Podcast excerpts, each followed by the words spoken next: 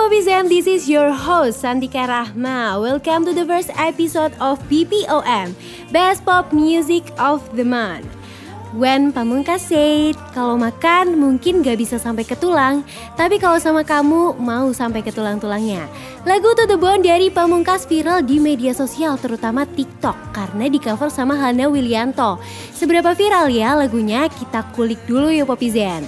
Si lagu To The Bone ini tuh salah satu single di album Flying Solo yang dirilis di tahun 2019. Jadi lagu ini tuh ceritanya ada cowok galau yang sayang banget ke ceweknya.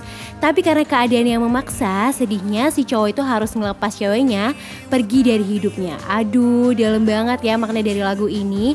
Pantesan lagu Bone masuk ke top 50 Indonesia dengan average daily plays 500 ribu selama 7 hari.